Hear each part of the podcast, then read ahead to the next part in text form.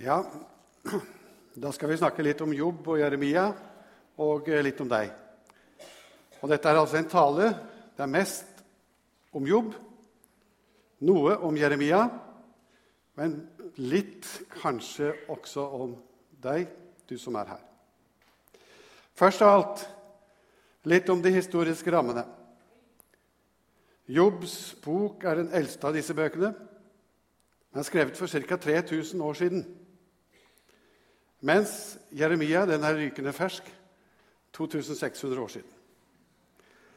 Og alder på bøker kan være et tegn på kvalitet.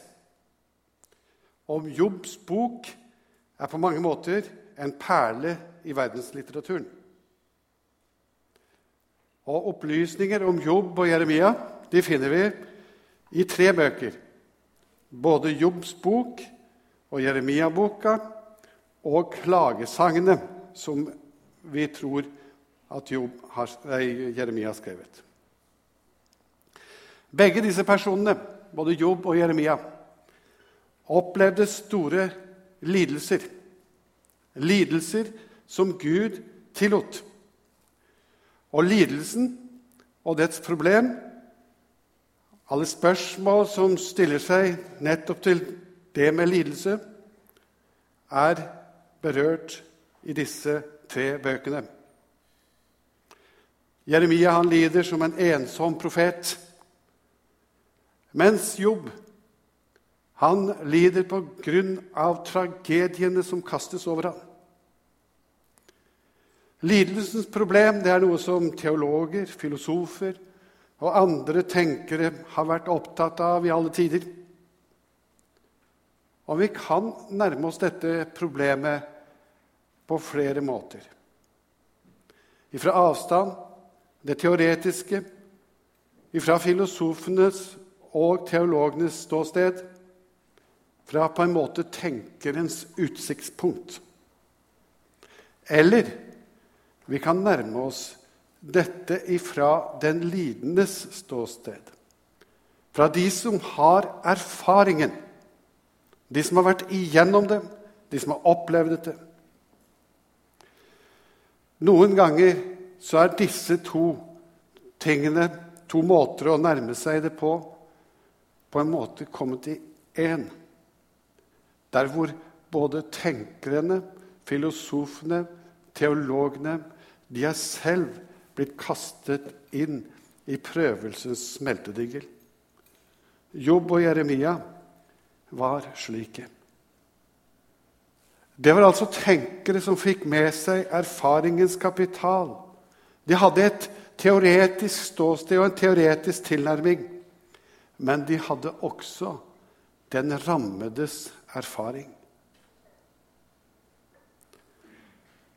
I tillegg til at vi har med slike troverdige mennesker som forteller historier, så tror vi at disse bøkene er innåndet av Gud og nyttig til lærdom, til overbevisning, opptryktelse i rettferdighet. Vi tror altså at disse bøkene ikke bare gjenforteller de erfaringer og de tanker som disse personene har, men vi tror at det er Gud som står bak. Og da er det fint å tenke på at Bibelen skygger altså ikke unna det vanskelige spørsmål hvorfor lidelse? Hvordan kan Gud, som er kjærlig, som er allmektig, som er, ser alt, tillate alt dette vonde i verden?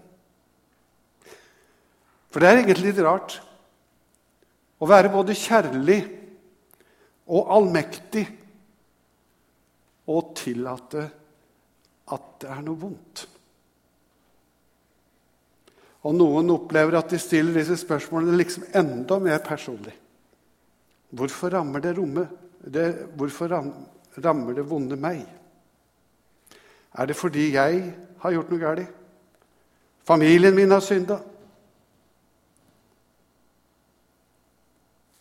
Og det tredje som jeg syns er veldig vanskelig å tenke på inn i denne sammenheng, som ikke Bibelen legger skjul på, det er hvorfor kan en allmektig, allvitende gjøre noe som han angrer på? Ikke vet jeg. Det er kanskje noen teoretiske problem. Noen som opplever smerte, og så kan vi ikke skjønne det. Og disse som har opplevd dette, de har på en måte en litt annen tilnærming enn teoretikerne. Så kan de rope til Gud. 'Hvorfor, Gud, har du gjemt deg? Hvor er du nå? Hvorfor sover du, Gud? Jeg ser det ikke.' Slik er det noen som har det nå i disse dager. Og jeg tenkte på det når jeg forberedte dette. Kanskje er det en i salen her i dag En som tenker at 'jeg vil gi opp alt'. Og om jeg skulle nå en slik i kveld, så har du min fulle oppmerksomhet. Det er deg, deg den ene, jeg vil prioritere i talen. Og jeg vil be om at smerten du går igjennom, kunne føre til at du kunne oppleve et et nytt håp, nytt mot. For makten og æren, den tilhører Herren. Selv i den mest beksvarte situasjon som du kan ha kommet inn i. La oss be. Herre, vi takker og priser deg fordi at du er til stede også i de tunge dager. Vi takker og priser deg for at makten er din, også i de dager hvor vi føler oss maktesløse og alt har gått i stykker. Nå ber vi Jesus i fellesskap her nå, om det er en eller annen i denne forsamling her i kveld som opplever det på en slik måte at de har lyst til å gi opp alt, at de står på randen til å gi opp, da ber vi om at du, Herre, med din hånd må gripe tak og dra vedkommende tilbake til deg. Og hjelp oss, Jesus, alle til å se hverandre og hjelpe hverandre og løfte hverandre opp og gi hverandre nytt håp. Velsign fortsettelsen av denne andakten. Jeg ber om det i ditt navn. Amen. Nå har jeg lyst til å lese litt til begynnelsen i Jobbs bok. Og vi får det opp på bak her også. Og Det er fra kapittel 1 og fra vers 6. Det er helt fantastisk. altså Jobbs bok den er ikke så veldig langvarig å lese gjennom. Så hvis du tar det som bibelleseplan på denne uka som kommer, så behøver du ikke å lese mer enn ti minutter hver dag. så har du lest igjen. alle 42 kapitlene. Den er så spennende og så fantastisk. Så lær deg litt av Jobbs bok. Nå leser vi disse versene. Så en dag kom gudesønnen og trådde frem for Herren. Blant dem var også anklageren. Herren sa til ham, 'Hvor kommer du fra?' Og han svarte, 'Jeg har streifet omkring på jorden.' Herren sa, 'Så la du vel merke til min tjener Jobb.' På jorden finnes ingen som ham, en from og rettskaffen mann som frykter Gud og unngår alt vondt. Men anklageren svarte, 'Det er vel ikke uten grunn at Jobb frykter Gud.' Har ikke du på alle vis vernet om ham? Hans hus og alt han eier. Hans henders arbeid velsigner du, og buskapen hans brer seg i landet. Men rekk bare hånden ut og rør ved alt som er hans. Så får vi se om han ikke spotter deg like opp i ansiktet. Da sa Herren til anklageren, se, alt han eier, er i din makt, men han selv får du ikke legge hånd på. Så gikk anklageren bort fra Herren. En dag satt Jobbs sønner og døtre og spiste og drakk vin hjemme hos den eldste broren. Da kom en budbringer til Jobb og sa:" Mens oksene gikk for plogen og eselhoppene beitet like ved, overfalt saberene oss og tok dyrene. Tjenerne hogg de ned med sverd. Jeg var den eneste som slapp unna, og kan fortelle deg det. Mens han ennå talte, kom en annen og sa.: En Guds ild falt fra himmelen. Den traff sauene og tjenerne og brente dem opp. Jeg var den eneste som slapp unna, og han fortalte deg, og kan fortelle deg det. Mens han ennå talte, kom en tredje og sa.: Kalderene kom, delte seg i tre flokker, kastet seg over kamelen og tok dem. Tjenerne hogg de ned med sverd. Jeg var den eneste som slapp unna, og kan fortelle deg det. Mens han ennå talte, kom det enda en og sa:" Dine sønner og døtre spiste og drakk vin hjemme hos den eldste broren. Med ett kom en sterk vind fra den andre siden av ørkenen. Den tok tak i alle fire hjørner på huset, så den falt sammen over de unge og de døde. Jeg var den eneste som slapp unna og kan fortelle det. Da reiste Jobb seg flerret kappen og klippet av seg håret. Han kastet seg til jorden og tilba. Han sa, 'Naken kom jeg fra mors liv. Naken vender jeg tilbake.' Herren ga, Herren tok. Velsignet være Herrens navn. Gjennom alt dette syndet ikke Jobb. Han krenket ikke Gud. Jobbs bok, eller Jobb, forteller oss at han så på Gud, som hadde makt både til å gjøre det som kjentes godt, og det som kjentes vondt for ham. Og han var så from at han ville ta imot alt fra Gud. Og kona hans, leser vi, hun sa nå, nå må du stoppe.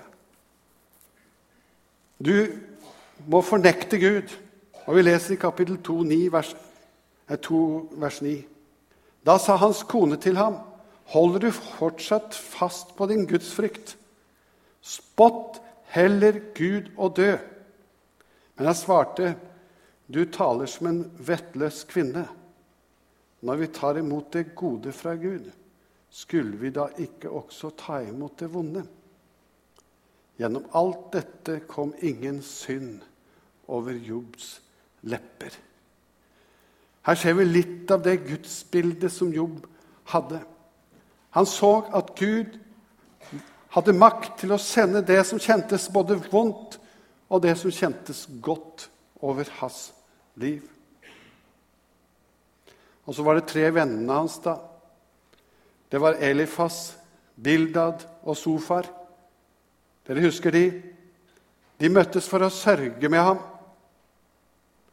Og når de så han langt unna, så kastet de seg ned til marken og gråt. De flerret kappene sine og kastet støv over hodet, står det. Så gjorde de kanskje det de mest fornuftige i hele boka, som de gjorde. De sa ingenting på syv dager. De satt hos den som hadde vondt, stille, hadde ikke noe å komme med de første syv. Men så hadde de forskjellige taler hvor alle disse problemstillingene som jeg har nevnt, blir berørt. Det har vi ikke tid til å snakke om. Men det er verdt å lese.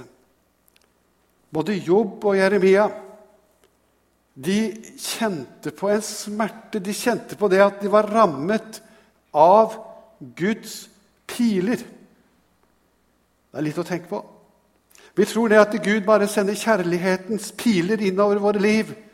Og vi snakker slik. Og vi tror at det er slik. Sånn er vårt gudsbilde, kanskje. Men leser vi Jobbs bok og leser vi klagesangene, så sier de at vi er faktisk en skyteskive. Både Jeremia og Jobb følte seg som en skyteskive for smertefulle piler. At du var et siktepunkt for noe som var vondt. Det er et merkelig bilde, syns jeg. Tenk å føle seg som en skyteskive. For ja, du kan bli mobbet, du kan bli oppleve vonde ting fra mennesker, men skyteskive ifra Gud Jobb sier piler Det er kapittel 6, vers 4. Piler fra det veldige sitter i kroppen. Giften tar min kraft. Redsler fra Gud samler seg mot meg. Og så i vers 7, kapittel 7.: Om jeg synder, hva gjør det deg, du som vokter mennesket? Hvorfor gjør du meg til en skyteskive, Gud? Og så i 1612.: Jeg levde i fred.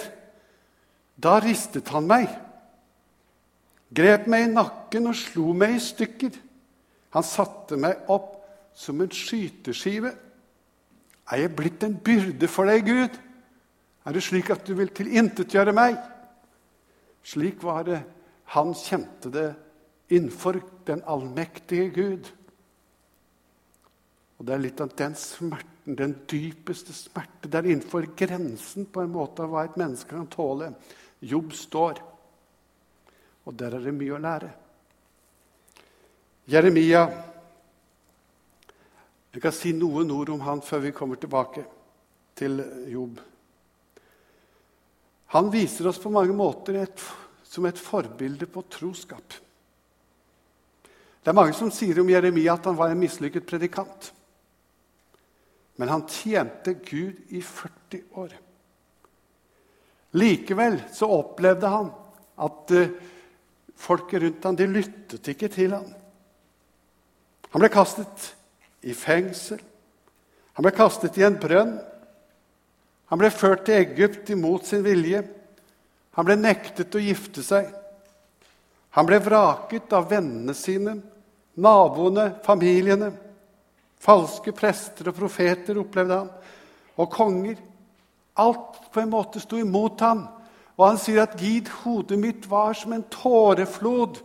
Han bare var liksom oppløst i sorg og nød for smert over, over tjenesten som ikke lykkes.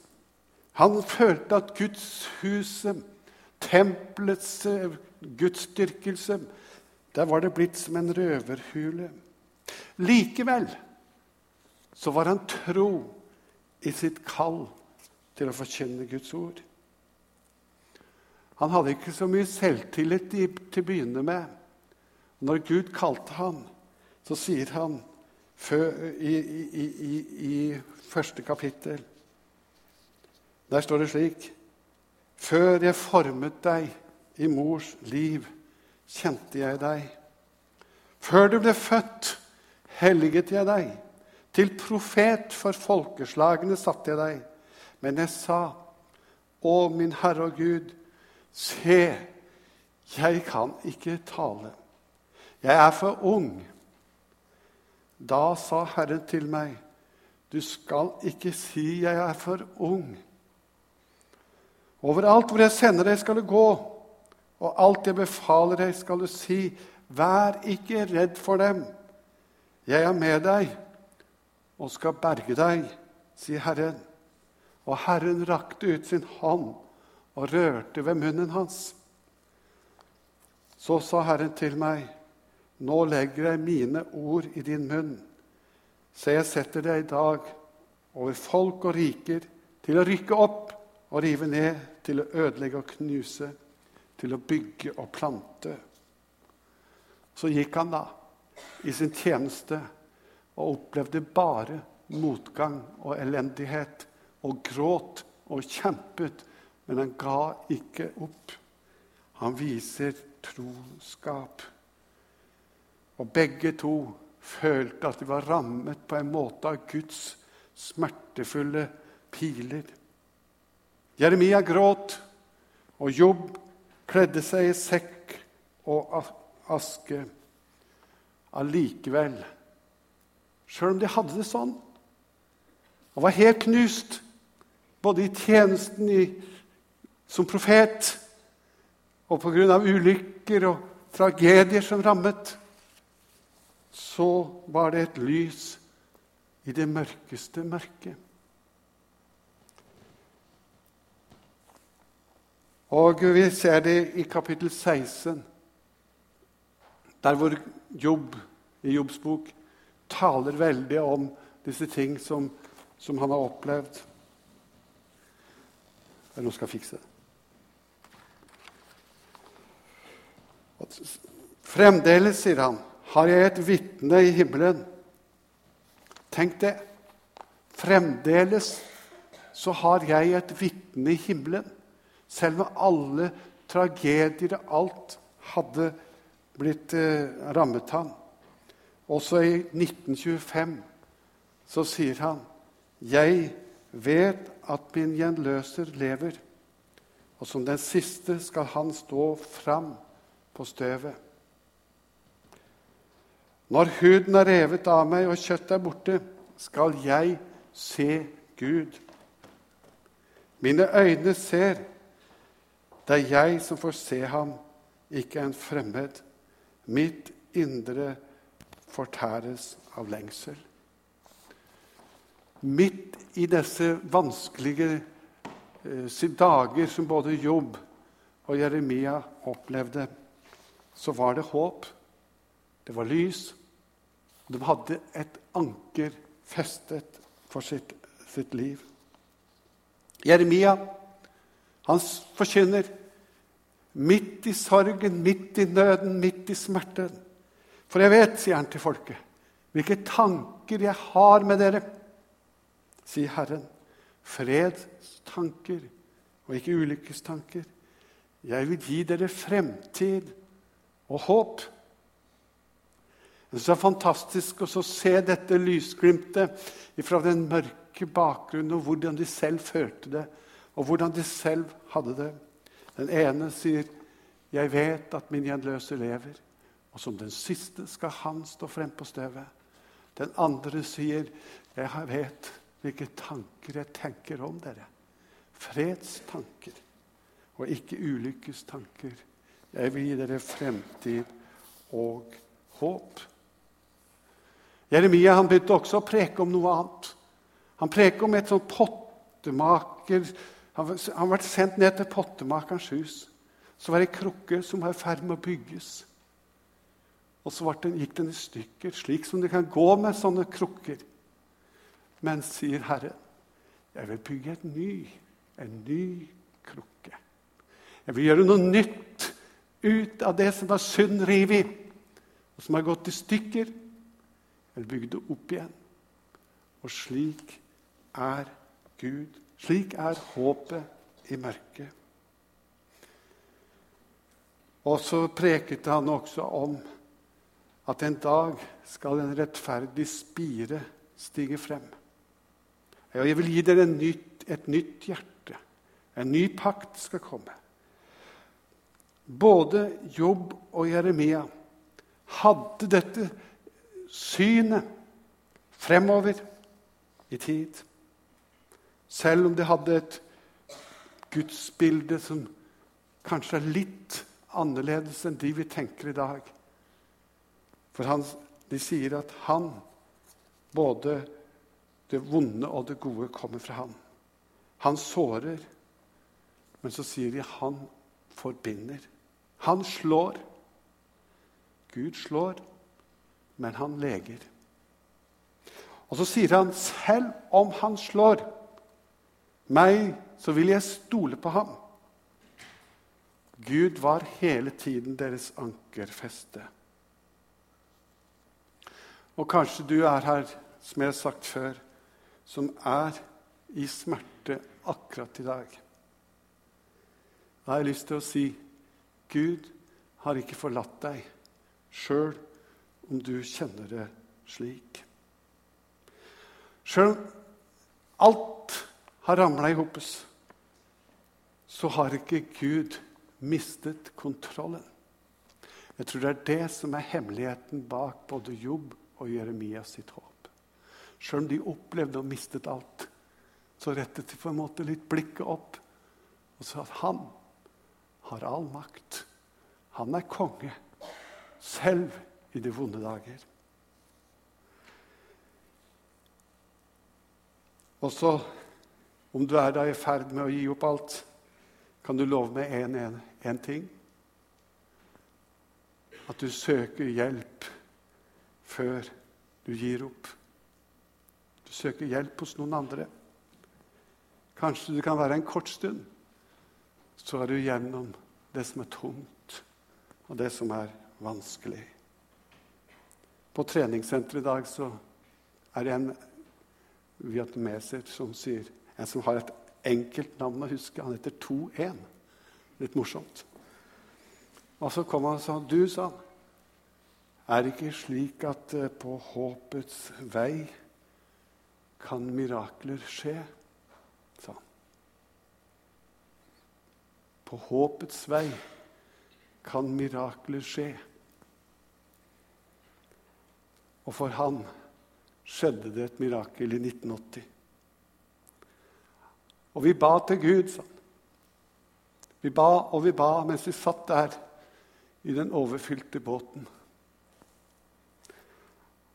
Og mirakelet, sa han, det var en norsk båt som plukket oss opp der i havet. Og jeg tenkte på det da jeg gikk hjem igjen i ettermiddag. Han ville først si 'gi ikke opp håpet', for det er mirakler som kan skje på håpets vei. Det er en eldgammel visdom. Og det andre, som han på en måte sa i det han sa, det at vi, du og jeg, kan være hverandres mirakler. Den norske båt reddet han. Kanskje du har en venn som opplever alt mørkt nå. Kanskje du kan vise litt lys inn i hans liv. Jeg hadde så lyst til å dra dere til kapittel 42 i Jobbs bok og lese litt der til slutt i denne andakten. Jeg syns det er så fint.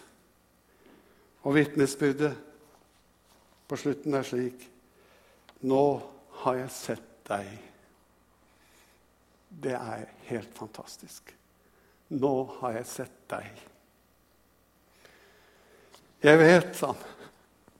Og det er det som er det store poenget i dag, og den dype sannhet. Når du står der ved grensen og ikke vet verken ut eller inn, var i ferd med å gi opp alt, så kunne Jobb si, 'Jeg vet at du makter alt. Det er sannheten. Ingenting er umulig for deg når du vil det. Hvem skjuler din plan med uforstand? For jeg har talt uten å forstå om det som er så underfullt at jeg ikke fatter det. Så hør på det når jeg sier, 'Jeg vil spørre deg', så kan du lære meg. Før hadde jeg bare hørt rykte om deg. Men nå, nå har jeg sett deg med mine egne øyne. Jeg har gjort noen erfaringer, og jeg har erfart at du er Herregud. Du er konge, og du har makt også i det dypeste mørket. Du var der. Derfor kaller jeg tilbake alt og angrer i støv og aske. Og så ser vi i vers 10 Herren vendte Jobbs skjebne da han ba for vennene sine og lot ham få dobbelt så mye som han hadde hatt før. Alle hans brødre og søstre og tidligere kjenninger kom til ham. De spiste med ham i hans hus, viste medfølelse og trøstet ham for alt det vonde som Herren hadde latt komme over ham. Hver og en gav han et pengestykke og en gullring. Og Herren velsignet Jobbs siste år mer enn de første. Han fikk 14 000 sauer før han hatt syv. Han fikk 6000 kameler, 1000 par okser og 1000 eselhopper. Han fikk sju sønner og sju døtre. Den ene datteren kalte han Jamima, den andre Kesia og den tredje Keren Hapuk. I hele landet fantes ikke vakrere kvinner enn døtrene til Jobb. Og faren ga dem arverett sammen med brødrene. Deretter levde Jobb i 140 år og fikk sikkert barn og barnebarn i fire slektsledd. Så døde Jobb, gammel og mett av dage. Så er det ikke sånn at vi her i kveld, ut fra denne andakten, kan skilte med at vi har fått svar på lidelsens gåte. Men jeg håper at vi har fått se litt mer av at Gud er Gud, om alle mann var døde. Gud er Gud, om alle land lå øde. Gud er Herren, Herren Sebaot. Kristus lever. Og som min gjenløser, så skal han stå frem. Som den siste skal han stå frem på støvet. Derfor er det sant for deg at vi som går på håpets vei, vi skal få erfare mirakler. Og en dag skal miraklet over alle mirakler skje. Vi skal skue Jesus med våre egne øyne. Og det er mine øyne som skal se det. Se ham, sa Jobb slik òg med dere som har tatt imot ham. Amen.